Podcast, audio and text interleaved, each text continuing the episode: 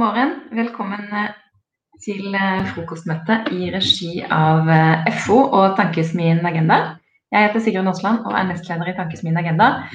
I dag har vi hentet fram et ord som vi kanskje ikke hører så ofte lenger, og vi spør hvor er det blitt av sosialpolitikken? Litt bakgrunn først. Når mennesker faller utenfor, så er kostnadene store. Både for enkeltmennesket og for samfunnet. Eh, den norske velferdsstaten skal sørge for at alle får trygghet og muligheter til å sikre inntekt, bolig, helse og utdanning. Eh, og sosialpolitikken er på en måte velferdsstatens tilbud til de som trenger litt ekstra støtte fra fellesskapet. Over tid har sosialpolitikken endret seg i tråd med trender i samfunnet for øvrig. I det lange bildet har staten gradvis overtatt mer fra kirke og lokalsamfunn, hvis vi går langt tilbake i tid. Og i nyere tid har en del av ansvaret blitt desentralisert ut i kommunene. Med større grad av spesialisering, og ikke alltid med nok penger. I velferdspolitikken i Norge har universelle løsninger som er like for alle, vært en viktig bærebjelke. En fordel med universelle løsninger er jo at de er vanskelig å fjerne, fordi det er mange som vil protestere og som vil merke det. Eh, en ulempe er at de er dyre, og det er ikke nødvendigvis alle som trenger det. Og De siste årene har vi fått mye mer behovsprøving og målretting av ulike tiltak. Kanskje også mer spesialisering og ansvar fordelt på flere. For hvem har egentlig ansvaret for sosialpolitikken? Er det arbeids- og sosialministeren, er det barne- og familieministeren, er det helseministeren eller er det egentlig finansministeren? Parallelt med at velferdsstaten har endret seg, så øker også andelen unge mennesker utenfor arbeidslivet. Og antallet barn som vokser opp i fattigdom. Det stormer rundt barnevernet, og særlig etter pandemien er det mange som er bekymret for barn og unges psykiske helse.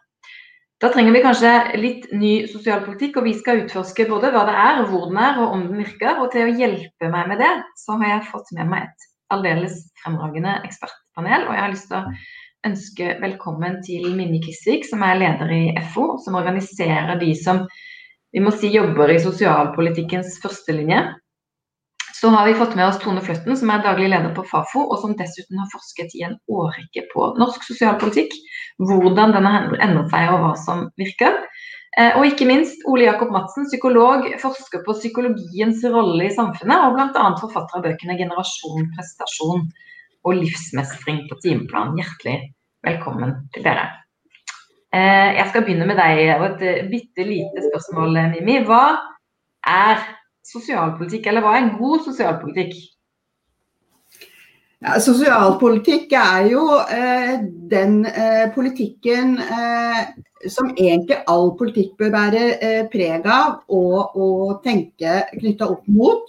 Eh, men hvis vi skal snevre det litt inn, så er jo sosialpolitikken eh, den politikken som skal sikre inkludering og forhindre utenforskap. Eh, men det er som du sier, Sigrun, at vi har jo bygd opp velferdsstaten vår som på mange måter det, overordna sikkerhetsnettet med sine universelle løsninger hvor vi skal sikre inntekt, vi skal sikre bolig, helse, utdanning. Eh, og jeg legger gjerne også til eh, sosial tilhørighet. Det er jo en konstruksjon som bygger på, på fellesskap for å ivareta den samla befolkning. Men så er det alltid sånn, uh, uansett ordninger man, man uh, velger å legge til rette for, uh, så, så, trenger jo de ordningene også et sikkerhetsnett. Og vi kan jo kanskje si at det er det sikkerhetsnettet som er liksom den faktiske sosialpolitikken. Eh, og det sikkerhetsnettet må være finmaska nok, det må være eh, raust nok. Det må være prega for at det skal være en god sosialpolitikk. Eh, av raushet med folk, men også av helhetstenkning, langsiktighet. Man må tenke på, på tvers av både fag og både liksom i og mellom tjenester må man ha et uh, tett samarbeid. Uh, man må ha et samspill mellom sektorer, mellom direktorater, mellom departementer. Til og med fagkomiteene på Stortinget burde jo ha sams, uh, samspilt langt mer enn det de gjør. Men vi må holde fast på at sosialpolitikken, hvis vi snevrer det ned, selv om både fordelingspolitikk, lønns- og skattepolitikk og arbeidslivspolitikk er liksom grunnlaget i sosialpolitikken, det også. Men snevrer vi det ned, så handler det om å inkludere, og det handler om å forhindre utenforskap. Og er da den politikken som har det som mål og tiltak. Mm. Tone, eh, jeg tok et litt sånn kjapt historisk sveip i innledningen, men eh, jeg tror vi, vi trenger litt mer fra deg eh, på historien om sosialpolitikk. Kan du si litt sånn om hva var det før, og, og hva er det nå? Hva, det, hva, er de viktigste endringene som har skjedd i sosialpolitikken i det man kan kalle moderne tid? De siste tiårene, kan vi kanskje si. Ja, ellers må vi begynne helt tilbake til Slåttattingsloven. Det er jo egentlig forløperen til norsk sosialpolitikk. Vi har legdssystemet hvor alle skal, alle skal, bli tatt vare på. Men, men, det er viktig å si aller først at det er jo ikke noe sånn veldig brå kutt i norsk sosialpolitikk eller velferdspolitikk. Det er, sånn det er glidende overganger, og, og, det er det vi kaller stiavhengige. Som vil si at vi, vi følger på en måte politiske, eh, politiske retninger. og Hvis det er én sånn rød tråd eller omforent idé i den norske sosialpolitikken, så er jo det ideen om at det er et felles ansvar i vårt land å sikre at befolkningen har god velferd. Det, det kan vi liksom se i, i mange mange tiår tilbake. Uh, og etter hvert liksom, den moderne velferdsstaten så er det jo også Det er ikke så veldig mye eliter i Norge. Og, og det var veldig sånn likhetsideologi, at alle skulle ha tilgang til disse gode levekårene. Men vi kan liksom starte på slutten kanskje av 70-tallet, for da var jo den velferdsstaten vi kjenner i dag ferdig utbygd med alle de sosialistiske ordningene. Sykepengeordning er den siste liksom, ordningen som kom på plass i 78.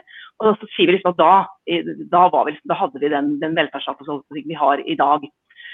Men så ikke før var systemet ferdig etablert, så begynte man jo å kritisere det. Og det var krise på krise, og man var på finanskrise, og man var redd for at det skulle være råd å ha så god velferdsstat. Og så kom det tydelige politiske skillelinjer. Sånn på høyre side så mente at det ble altfor omfattende velferdsstat fra, fra, fra det offentlige side. og individets ble borte. Venstresida syntes at det var ikke uh, gode nok ordninger til at man klarte å sikre uh, levekår og livssjanser for alle i befolkningen. Det var kritikk mot skattenivået. Og man gikk fra en situasjon man hadde bygd et sosialpolitisk system som man syntes var, man hadde jobba mange mange år med å få ferdig via folketrygden, til et system man da syntes ble et problem i seg sjøl. Eh, og dels da fordi det var, det var dyrt å, å, ha så mye sosialpolitikk og tjenester og ordninger, og dels fordi at man også mente at det beste for individene var jo egentlig å klare seg sjøl. Så her var spørsmålet hvordan skal man da hvordan skal man liksom klare å, å ivareta alle disse hensynene. Jeg skal liksom trekke fram et sånt for meg skille i i sosialpolitikken, så tror jeg jeg vil trekke fram attføringsmeldingen fra 1992. Um, I den attføringsmeldinga så er det første gang liksom at man virkelig setter arbeidslivet på dagsordenen i Norge. Og er veldig tydelig på at det er, uh, det er arbeidslinja som skal gjelde i sosialpolitikken. Og det er ikke noe nytt at arbeid er viktig, det for all del, det hadde man meint før også, fra, fra krigstida. sånn gjør din, gjør din plikt og krev din rett, men da ble arbeidsorienteringen veldig tydelig i attføringsmeldinga. Det ble også tydelig formulert der at, at eh, det var viktig å vri kostnadene over fra ytelser til tjenester. Og at nå var det tjenestebefolkningen kom til å trenge mer av framover. Bl.a. fordi man visste allerede da at det kom til å bli en, en, en aldersbølge som kom til å kreve sitt. Og så ble det jo åpna for oss i den meldinga at den måten man utforma trygdene på i seg sjøl, det kunne være kontraproduktivt. Det kunne føre til utstengning og ut, uh, utstøting, sånn som, som Mimmi snakka om. Så kobler man også trygdenes uh, utforming mye tettere opp til insentivtankegangen. De måtte ikke være for gode, måtte ikke være for lette å få, måtte ikke vare for lenge. For da ville folk bli motivert til å, å prøve å komme seg på trygd istedenfor å, å, å være med og, og, jobbe. Og Veldig mange reformer utover da på 90-tallet de befester jo på en måte arbeidslivets dominans. og, og altså Pensjonsreformen, reformen av overgangsstønaden, introduksjonsprogrammet, kvalifiseringsprogrammet. Dette er uh, reformer som viser at at uh, arbeidslinja er, er, dominerende. Og så skjerper man kravene for å motta støtte. Um, det blir diskusjoner om styringsreformen i velferdsstaten, altså New Public Management, Nav-reformen kommer. Og det kommer mer diskusjoner om konkurranseutsetting. Uh, men dette er jo dette er trinn, trinnvise endringer. Det kommer liksom ikke fra ett år til et annet en veldig sterk endring. Bygger de institusjonene i denne perioden her, som HVPU-reformen, psykiatrireformen. Uh, det blir mer tjenester til boliger, for, også for, for personer med rusproblemer og for eldre. Um, og så blir også frivillig sektor viktig i sosialpolitikken. Altså, du snakka i stad Sigrid, om overganger fra, fra, fra, kirkene og, og kommunene, eller fellesskapene til staten. Og nå er det også mye sterkere vekt på frivillige skal ha en, en viktig rolle. Og selvfølgelig også mer, etter hvert også mer vekt på brukernes perspektiver. Og, og som en veldig sterk vekt på, på, faglighet, kompetanse og kvalitet, og det at man skal samarbeide. Og så kommer vi tilbake til medietimen. dette er en veldig kort liste sånn som jeg ser liksom noen sentrale utviklingstrekk de de siste årene. Mm. Ole Jakob, eh, du er jo psykologen i panelet, og nylig så etterlyste du i Aftenposten eh, mer psykisk helse i den politiske debatten. Samtidig som du har vært kritisk til at kanskje vi vektlegger psykologien eller individet eh, litt mye når vi skal løse vanskelige problemer for folk. Hva tenker du om det Tone, i lys av det Tone og, og, og Mimmi sier, har, har, politikken gjort ditt fag litt for viktig på bekostning av andre i, Eh, i sosialpolitikken? Um, ja, uh, ja og nei, kanskje, hvis det går an å, å svare det. Altså at ja, i den forstand at uh, psykologien litt for ofte blir um, noe som liksom kan legitimere tenker jeg, individuelle løsninger på sammensatte samfunnsproblemer. Da. Men også nei i den forstand at um, Psykisk helse er, eh, er, eh, er, svært viktig, men gjerne da i en type innramming da, som kanskje ikke alltid er, er, individuell, men hvor man i større grad også ser på eh, grunnlaget for hvem som har god psykisk helse og ikke, og hva, måte, hvordan det er forbundet da, med de store eh, ja, utviklingstrekkene ved samfunnet, sånn som politikk, eh, ideologi, økonomi, sosiale forskjeller og sånne ting. Da. Så det er vel gjerne det kunne høres litt sånn forvirrende ut at på den ene siden både har vært kritisk til for mye vektlegging av psykologien, og så etterspør mer psykisk helse i den politiske debatten. Da. Men det er liksom noe sånn jeg tenker på. da, at det um, og her har jeg vel tenkt at, uh, jeg tenker at venstresiden da, i politikken gjerne har et, um, et uutnytt, uutnyttet potensial, da, for å si det liksom, litt, litt, forsiktig, kanskje, hvor jeg tenker at de i større grad kan ta et sånt perspektiv. Da. og Bare for å ta et eksempel, for å gjøre det litt mer konkret. altså Um, ofte hvis jeg snakker med ja, andre foreldre, eller det kan også være journalister eller, eller andre, så virker det som om mange er opptatt av barn og unges psykiske helse. Og den fremste årsaken ser mange ut til å tro da, er dette med liksom, sosiale medier og, og skjermaktiviteter. Da. Det kan man jo diskutere. men for eksempel, altså, kom det jo nylig en sånn ny anbefaling fra Helsedirektoratet om uh, ingen skjermtid for de minste barna, maks en time for barn mellom to og fire år. og de bekymrer seg for foreldre som erstatter trøst da, med mobiltelefonen. ikke sant? Og, uh, så dette er spørsmål folk er opptatt av, da, som handler kanskje om barn og unges psykisk helse. Men i sånne typer spørsmål så savner jeg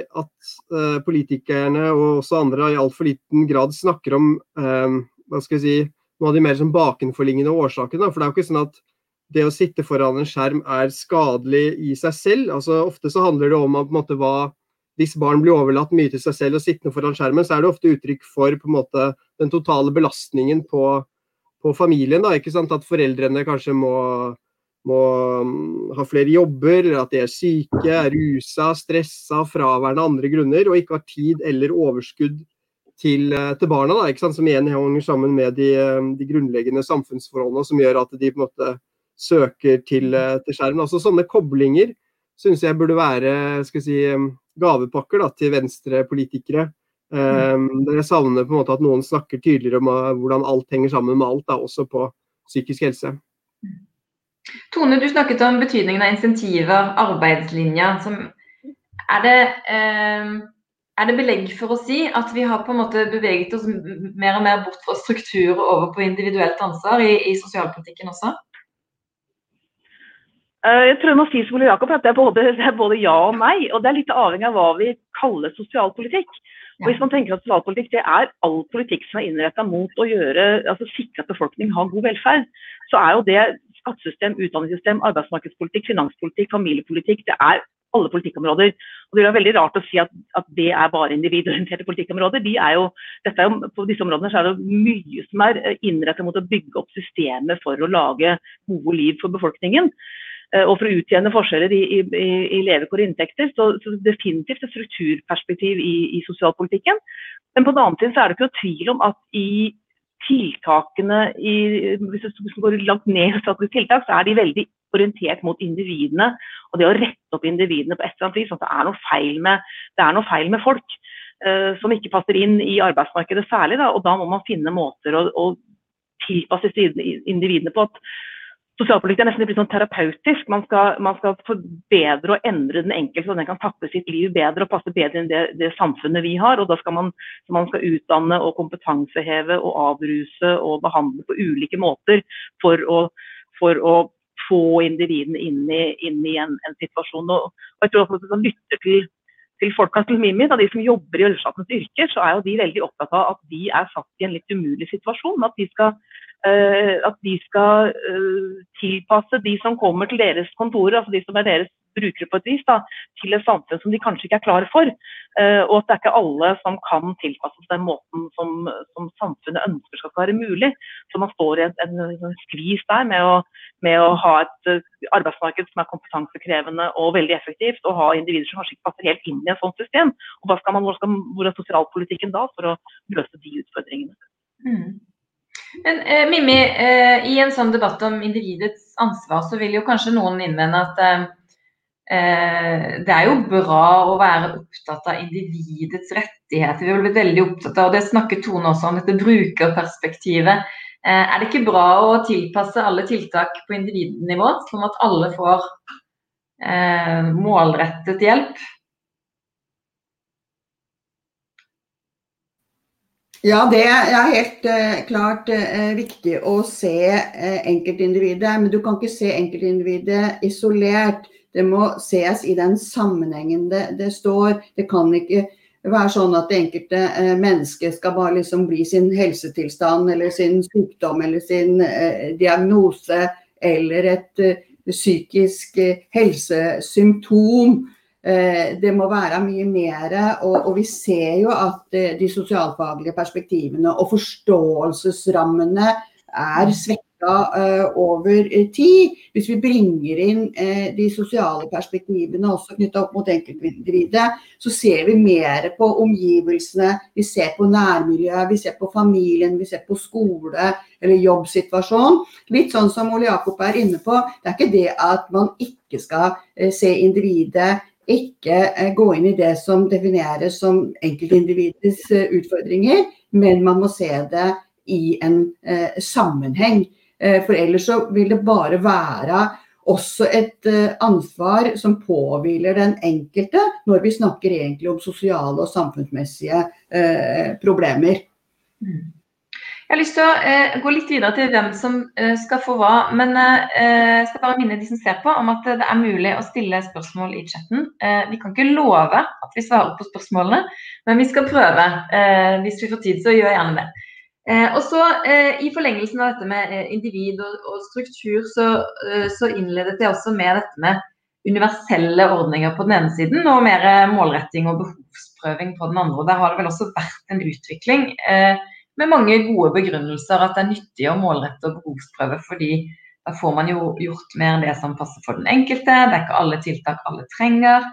Um, og så er kanskje en utfordring at de som trenger mest hjelp, har minst forutsetninger for å eh, be om hjelp. Er det mulig å si noe, Tone, om hva som er den liksom riktige blandingen av universelle ordninger og, og mer målrettede, behovsprøvde løsninger? Og har det endret seg over tid, det også? Man må ikke ønske jeg kunne si at all forskning viser at, at 70 eh, universalisme og 30 selektivisme, ja. det er kan det? Det, det, det kan jeg ikke si.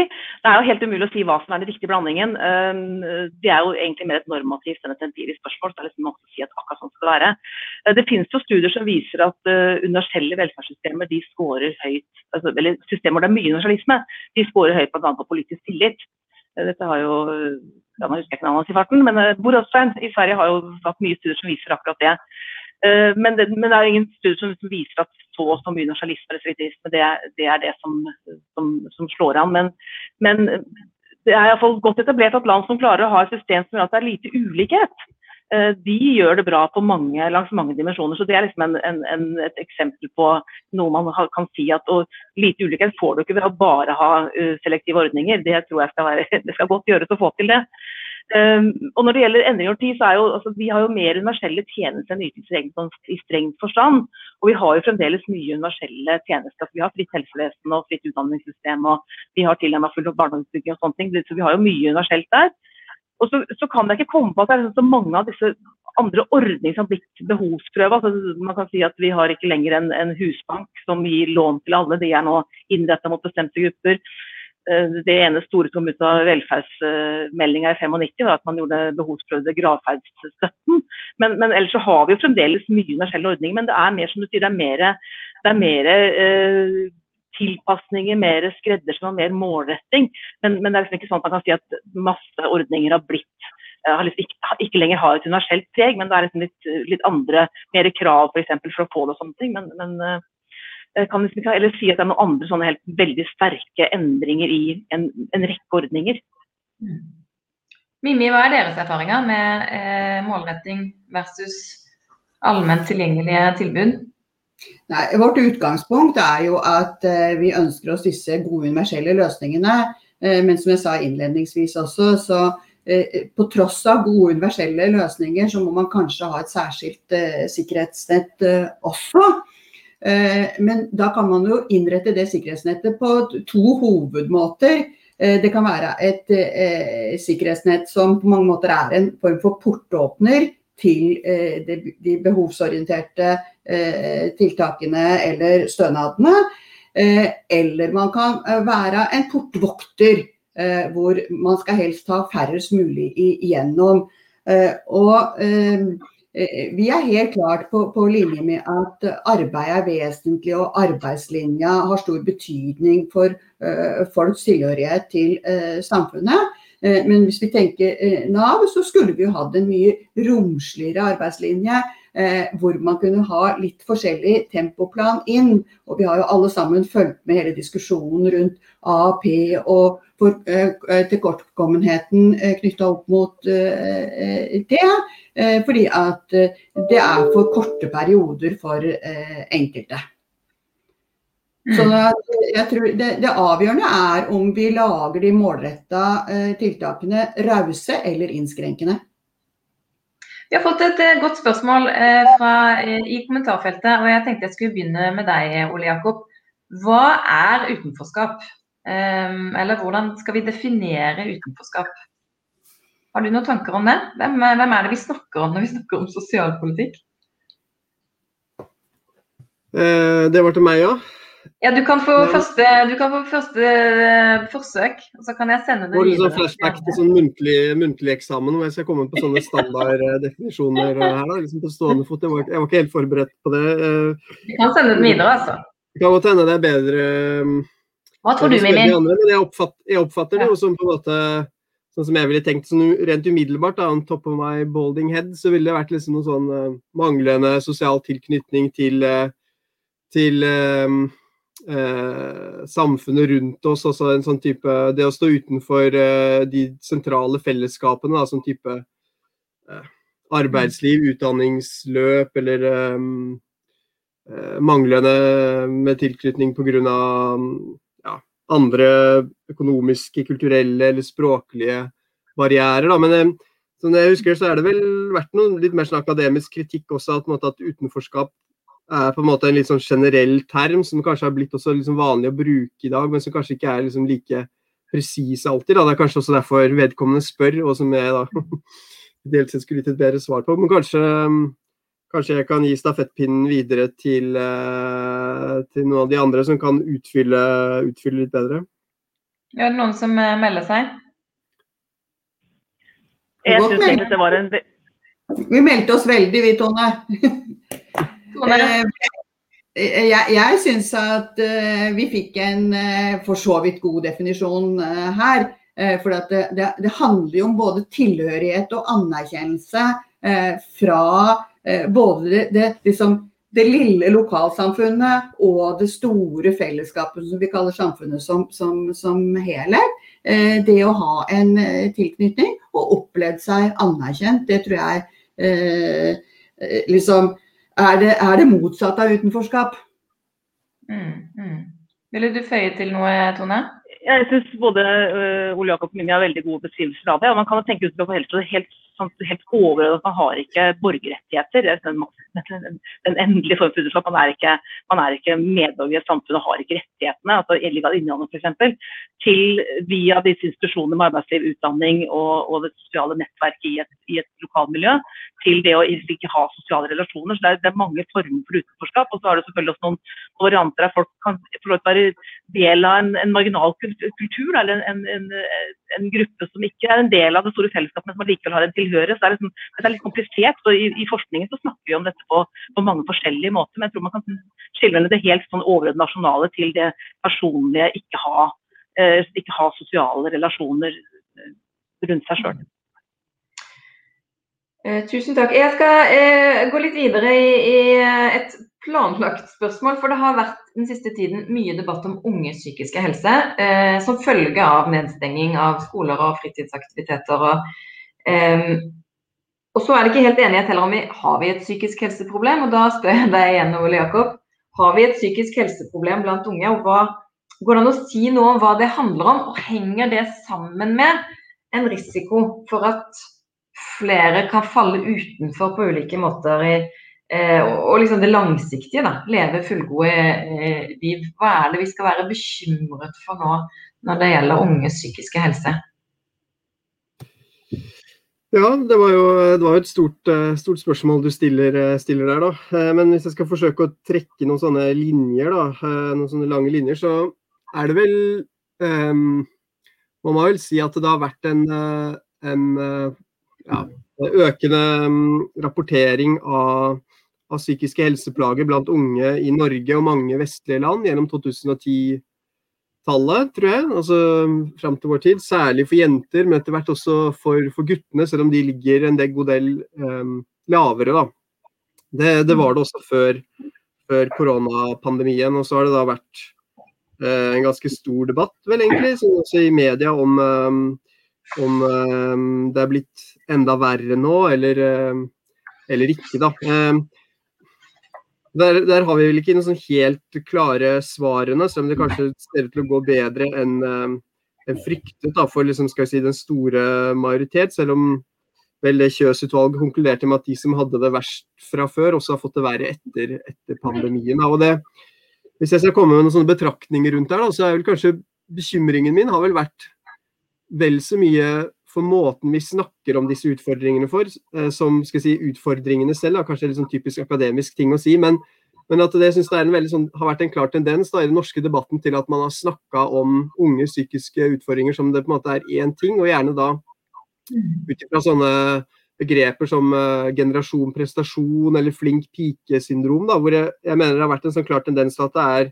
skal si, de uh, relativt ressurssterke unge med store ambisjoner på, på egne vegne, og på en måte deres bekymringer og strev, som er helt, helt reelt nok, uh, men som likevel ser ut til å få veldig sånn forrang i, i den mer sånn mediedrevne offentlige debatten uh, om det her. Da, og som jeg er litt redd for også kan ha forleda um, noen av våre liksom, folkevalgte politikere til på en måte dette folkehelse- og livsmestringsinitiativet f.eks., hvor hvor det ser ut som man tenker at hovedbekymringen for barn og unge i dag er på en måte stress og press og forsterke perfeksjonskrav til seg selv. Mens jeg tenker at det beskriver bare en liten andel, og kanskje en av de mer ressurssterke sitt utsyn på verden. Mens hvis man bryter det ned, så vil man fortsatt være sånn også blant barn og unge at de som gjennomgående rapporterer om mest psykiske helseplager, da, et høyest nivå av si, lidelsestrykk, er er barn og unge som opplever at uh, familien har uh, dårlig råd hele tiden, f.eks., og kommer mer fra sånn type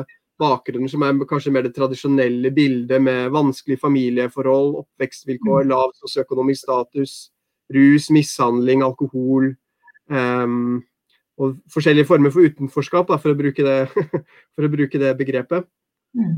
Så, um, så, jeg tenker at det det er viktig å få med da, også kanskje etter pandemien, hvor det er kanskje lett at det blir en sånn debatt med to leire. for liksom, Har det vært en økning, har det ikke? Og så snakker man igjen om på en måte barn og unge som eh, en gruppe, da, istedenfor eh, spesifikke grupper. og Her er det jo vært bekymringer for f.eks. da, ikke sant, da kommer det rapporter fra, fra eh, barnevernet at man har eh, at det, det kunne se, umiddelbart kunne se ut som det var en markant nedgang i barnemishandlingssaker f.eks., men eh, at det er all grunn til å tolke det som et resultat at at profesjonelle grupper da, har mindre kontakt med barn og unge under, under nedstengingen, og at det er mange som ikke blir fanga opp og gitt den hjelpen de trenger. Da, mens andre studier igjen tyder på sant, at det er mer uro og krangling innad i en del sånne um, familier, da, som igjen kan handle om hvordan de takler stress som handler om økonomiske, sosiale ting under uh, covid-19-pandemien.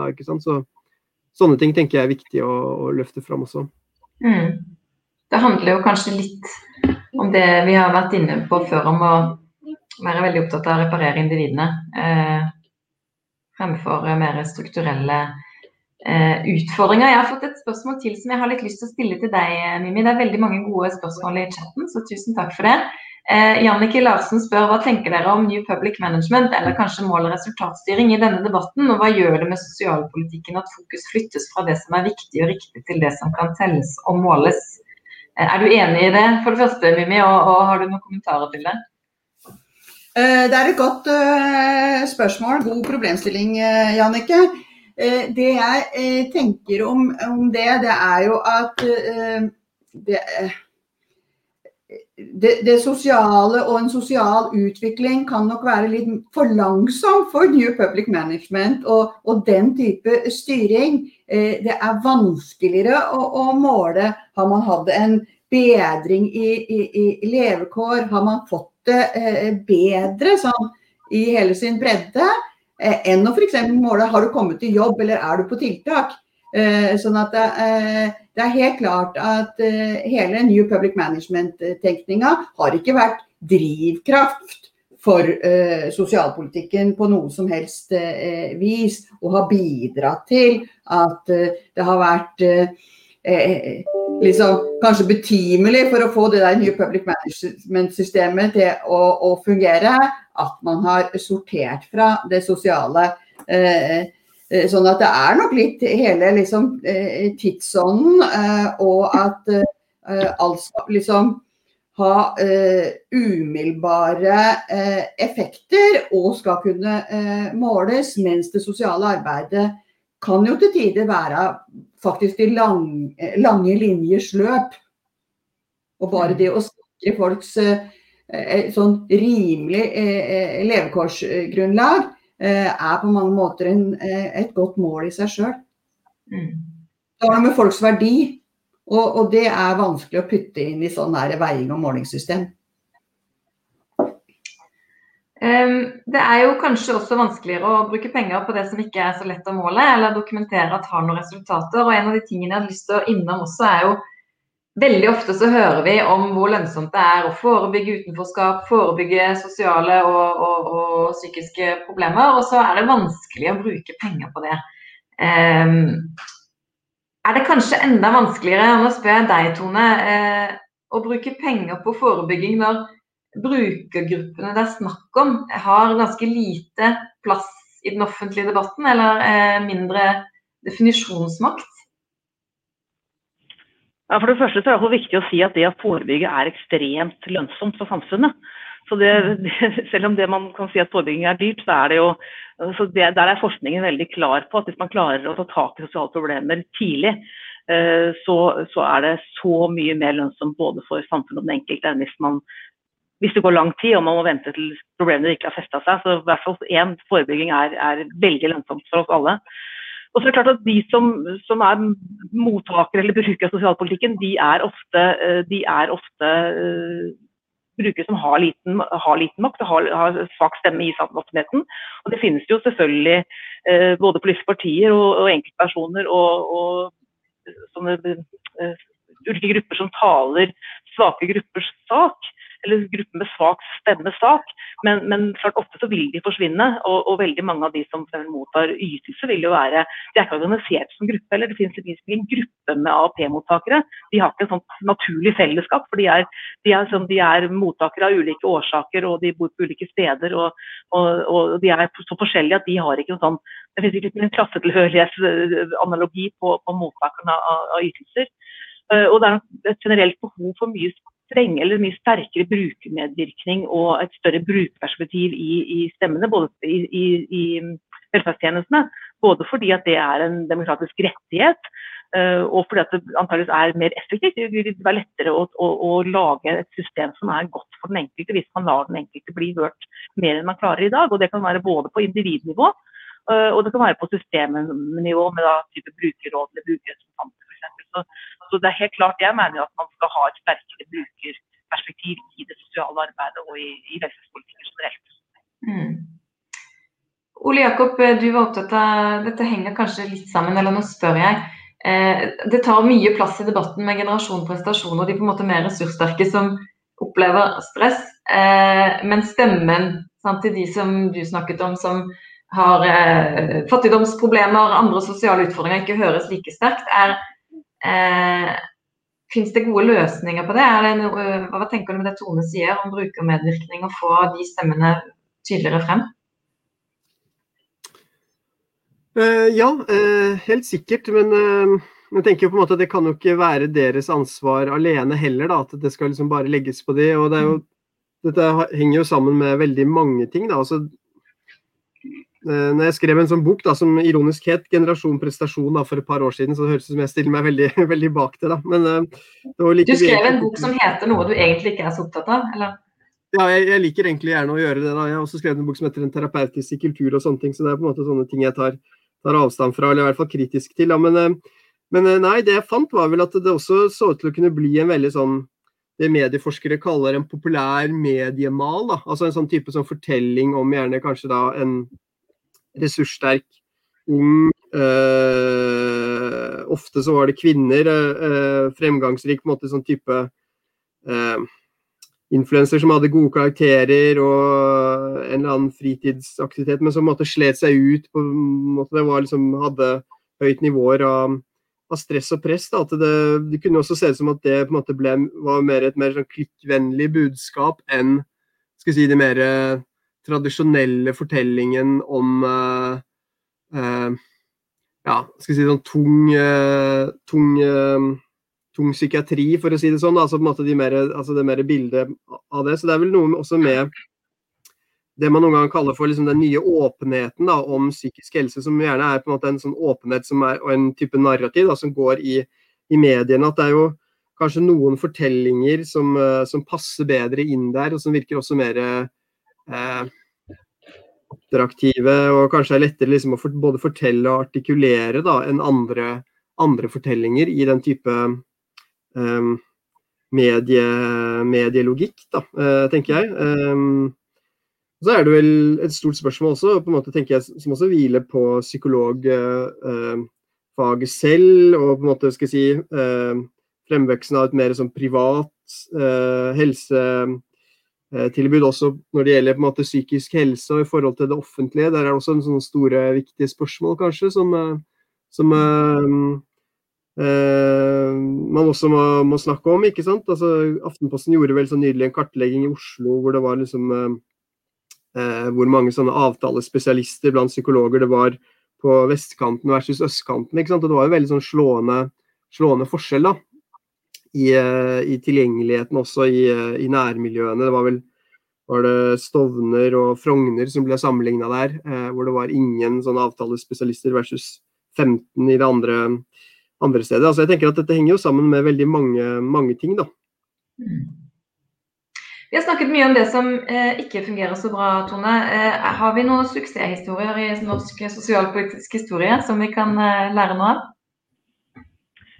Ja, jeg vil jo si at det faktisk er mye som fungerer bra ja, i norsk sosialpolitikk og norsk velferdspolitikk. Altså, vi, vi, er jo et av de landene i verden som har aller minst ulikhet økonomisk og levekårsmessig. Vi har lite fattigdom sammenlignet med andre land, selv om det øker i Norge. er veldig klar over det. Vi har høy yrkesdeltakelse. Vi har også klart å lage et system hvor veldig mange er i arbeid. Også kvinner, eldre, innvandrere, som i mange land står langt fra arbeidsmarkedet. Og selv om vi har snakka om de unge som har det vanskelig, så har vi også relativt få needs, altså de som er helt utenfor arbeid, utdanning og, og, og opplæring. Så, så, vi har jo et, et, et, et totalsystem som leverer. Og, og, jeg er jo veldig opptatt av modellen, og den har jo faktisk klart å levere gode levekår for store deler av befolkningen. Så det er mye som fungerer bra. Vi har veldig et, høyt kompetent også ansatte i velferdsstaten i Norge er jo veldig kompetente. Har god utdannelse og god, god erfaring og, og, gjør en strålende jobb. Så jeg vil jo si at det er ingen grunn til å si at norsk sosialpolitikk ikke fungerer. Det er veldig mye som fungerer veldig bra. Men som man ser modellen, så er det selvfølgelig masse enkelthistorier og masse områder man bør gjøre noe med, kan gjøre noe med. Men at liksom det store bildet er en, en velfungerende helsepolitikk. Og så, som, som, forsker, da, som når jeg er ute i verden og snakker om, om på konferanser snakker om velferdspolitikk, så er det så alle sier jo åh, du verden kommer fra Norge eller Norden. Dere er heldige, dere. Der fungerer jo alt så bra. Så klart Hvis du tenker, se på oss med kikkerten langt fra og snur kikkerten feil vei, så, vil du se at da, da fungerer det jo veldig bra i, på, i stort i Norge. Og så er det selvfølgelig altså, lokale og, og, områder som ikke fungerer som, som det bør, men, men i Alta så fungerer mye bra. Mm. Det var det positive budskapet. Ja, Vi må ha med det også. Mimmi, du var inne på innledningsvis at eh, sosialpolitikk er jo på en måte ytterste konsekvens også skatt og arbeid. og Det er jo spredt på veldig mange, både komiteer i Stortinget og statsråder. Eh, burde det være en sosialminister? Hvorfor har vi ikke det lenger? Ja, si hvorfor har vi ikke det lenger? Eh, vi har jo eh, knytta det veldig sterkt til arbeidslinja, og det er mange plusser med, med, med det. Men det er også noen, noen baksider. Så, eh, så, vi mener jo helt eh, klart i, i, FO at eh, vi ønsker oss en sosialminister i ny regjering. Mm. Eh, fordi at sosialpolitikken er jo på mange måter alt, og i tillegg alt imellom. Og i tillegg dette sikkerhetsnettet eh, når eh, ikke alt fungerer. så vi må nødt til å legge sosialpolitikken på regjeringas bord, litt sånn eh, samla. Eh, og vi må legge det på det enkelte kommunestyre. Eh, vi må sikre at man faktisk får dette crossover-blikket når det gjelder eh, sosialpolitikken. Og jeg tror, som Tone var inne på i sted også, at det kan jo synes som det er dyrt i utgangspunktet, men det er utrolig billig hvis man gjør dette ordentlig. Eh, fordi at eh, det er med på å forhindre ganske massive kostnader til reparasjon. Jeg pleier å si at sosialpolitikken er på mange måter oljen til eh, samfunnsmaskineriet eh, eh vårt. Eh, og vi kan jo prøve alle og enhver å kjøre bil uten olje. Det vil ikke fungere over tid. Det er viktig å, å etterfylle. og, og Akkurat som vi på mange måter gjorde liksom, olja vi fant i Nordsjøen til vår, vår felles eiendom, så syns jeg også vi skal gjøre sosialpolitikken til vår eh, felles eh, eiendom. Eh, og bygge den på klare også sosialfaglige eh, perspektiver. Så vi ønsker jo at eh, den eh, nye regjeringa, om det blir den ene, andre, eller tredje eller fjerde fargen, skaffer oss en sosialminister at de, den ministeren virkelig må ha ganske mange armer og ermer å brette opp.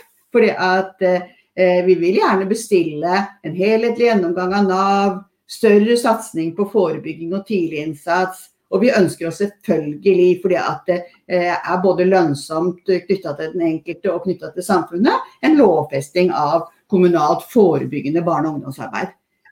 Alt dette her tror jeg er lurt å gå løs på for en ny regjering. Eh, du skal få eh, eh, slippe å, å, mene noe om eh, den nye regjeringen, Ole Jakob. Men jeg har lyst til å driste meg til en sånn veldig kjapp oppsummering av mye av det du har spilt inn som jeg opplever handler om å koble psykologi og økonomi, egentlig. da. Snakke mer om fattigdom og strukturelle problemer når vi snakker om psykiske og sosiale problemer. Hvordan, hvordan gjør man det? Har du noen eh, forslag? Um, eh, nei, det, det, det, er ikke så lett å, å, Jeg vet ikke om det ligger liksom i spørsmålet ditt at du tenker at økonomien er med på å øke forskjellene, mens vi vet at det er si, negativt da, for den, eh, den psykiske helsen. At det liksom er noe sånt som ligger i, i spørsmålet ditt. Eh, ja, eller at fattigdom kanskje er et eh, undervurdert problem i den psykiske debatten om psykisk helse. Da. Jeg opplever at du var liksom opptatt av at eh, vi snakker mye om noen få privilegertes problemer, og kanskje litt mindre om at det ligger strukturelle eller sosiale problemer ofte bak det vi umiddelbart ser. Er det en mm. riktig tolkning? Ja, eh, så jeg tenker jo altså Noe jeg også vært, har savna, er kanskje at de også at det føles også noen ganger som på en måte at vi snakker om uh, psykisk helse som noe veldig sånn generisk og veldig sånn skal si, frakobla politikken ellers. da, og det, igjen da, det handler nok om mange ting. Kanskje at det er liksom barnesykdommer, at det tross alt er en sånn relativt ung debatt. på en måte, da, At det kanskje liksom noe av de forståelseskategoriene og forklaringene ikke er blitt så veldig uh, velutviklede ennå. Det er liksom bare noe alle politikere enes om at de er veldig opptatt av, uten å nødvendigvis si så veldig mye mer. da, så i den uh, i, Når jeg skrev en sånn liten bok om dette folkehelse og livsmestring, så titta jeg jo litt på, på måte, de stortingsdebattene også som var mellom de politiske partiene om måte, dette med psykisk helse og livsmestring burde komme inn i skolen eller ikke. og Da syns jeg det var veldig sånn slående hvordan egentlig fra fra uh, Frp til, uh, til Arbeiderpartiet, da, SV og Rødt var ikke med akkurat i den debatten eh, om, eh, snakker om barn og unges psykiske helse som på en måte noe veldig sånne, i veldig sånne generelle kategorier, og veldig frakobla fra de politiske partiene sine mer sånn unike ideologiske ståsteder. Da. Det, så jeg har liksom savna at, at, vi kommer oss litt, litt, videre fra det, og at jeg tenker at det ligger på en måte igjen da, et, et stort potensial for venstrepolitikerne der da, å i større grad snakke om psykisk helse ut ifra en sånn type sosial eller sosialpolitisk tenkning. Da, ikke sant? Nettopp som jeg vel var innom innledningsvis, at, um, at man i større grad bør snakke om grunnlaget og årsakene til at, um, at noen har god psykisk helse og, og, andre ikke har det. Da. Men at det ser ut til å være en veldig sånn tendens da, i samtiden til å Sånn som man også snakker om i dette livsmestringsfaget, at man skal sette barn og unge i stand til å tilegne seg kompetanse, en kompetanse på, um, på en måte til å ta gode livsvalg som skal fremme god psykisk uh, helse. Da. Så jeg savner vel på en måte en, en venstreside også som utfordrer på en måte det litt mer sånn der ja, idealiserte bildet av et sånt individualisert samfunn hvor alle har like, like, muligheter og de samme forutsetninger. Det bare handler om å ha tatt gode valg eller ikke um, for seg selv. Altså, så der tenker jeg at det er uh, et stort forbedringspotensial. Da. men um, det gjenstår kanskje å se om f.eks. sånn som Arbeiderpartiet er villig til å, til å, til å gjøre det. Altså, Jonas Gahr Støre ble vel sitert, jeg vet ikke om det var helt sannferdig, av Dagsavisen når han var helseminister, at vi skal alle bli våre egne helseministre, f.eks. Altså på begynnelsen av 2010-tallet. Um, var litt usikker på liksom, om han sa nøyaktig, nøyaktig, det, da, men um, det ser i hvert fall ikke ut til å være et sånn type um, syn som helt er i tråd med Kanskje hvis han hadde sagt vi skal alle bli våre egne sosialministre, så hadde det vært i hvert fall hakket bedre. Men, um, men uh, jeg savner jo på en måte det mer liksom, felles ansvar, da, som ser ut til å bli liksom, redefinert som mer, sånn, mer, mer som et sånn individuelt mestringsarbeid. Nå er ikke Arbeiderpartiet her til å svare for seg, men eh, vi skal begynne å gå inn for landing. Og vi er jo på vei inn i en eh, valgkamp. Og som du sa, Mimi, det kan bli den ene eller den andre eller den tredje fargen. Men du har allerede ønsket deg en eh, sosialminister.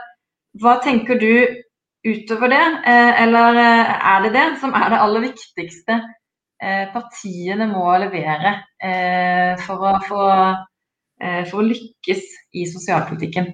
Hva er liksom ønskelistens eh, topp tre? Jeg tror at eh, utgangspunktet er det som eh, Tone var inne på. At vi har jo bygd opp et samfunn med stor grad av likhet. En gjennomgående plass for, for, for alle. Men vi ser at det er noen risikofaktorer i, i dagens på mange måter, hva skal kalle det, tidsånd Eh, sånn at eh, vi må være litt ekstra våkne nå, litt ekstra vaktbikkjer om eh, velferdsstaten vår. Både den universelle og, og sikkerhetsnettet. Og det er fordi at vi har vært gjennom en pandemi. Vi er på vei ut den ene etter den andre for vaksine nå. Sånn at nå er vi snart back in business. Men akkurat nå så har vi faktisk som enkeltmennesker og som samfunn fått litt ekstra tid til å, å tenke oss om. Og faktisk også litt eh, flere enn en, eh, bare de som opplever det til vanlig, har liksom kjent litt på sårbarheten. Kjent på avhengigheten av et eh, samfunn som er med på å eh, bære, sånn at du ikke må på mange måter bære alt sjøl. Eh, vi tenker i hvert fall sånn at det gode samfunnet det kommer ikke av seg eh, sjøl. Vi må ha olje til det maskineriet, og vi kaller den olja sosialpolitikk. Og den politikken må bygge på, på at ikke sosiale problemer løses individuelt alene. Sosiale problemer krever faktisk sosiale løsninger og sosial kompetanse.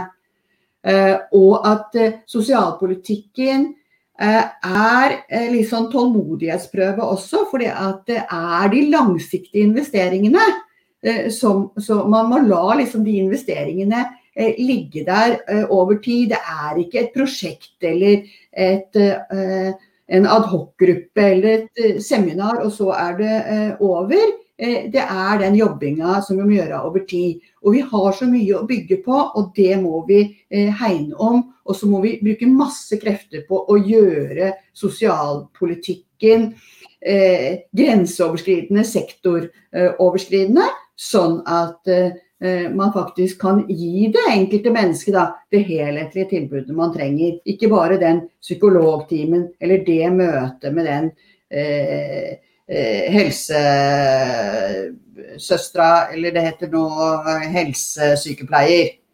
Eh, men at det er en eh, bredde og en helhet i det, og at man tenker det gjennomgående i all politikk. For politikk må jo være hvordan man legger til rette for å bygge folk og samfunn. Det eh, ble siste bevingede ord. Eh, vi rakk ikke gjennom alle de gode spørsmålene i chatten, men eh, tusen takk til alle dere som fulgte med og deltok. Tusen takk til Tone Fløtten, Ole Jakob Madsen og Mimmi Kvisvik. Ha en god fredag alle sammen, og så ses vi snart igjen.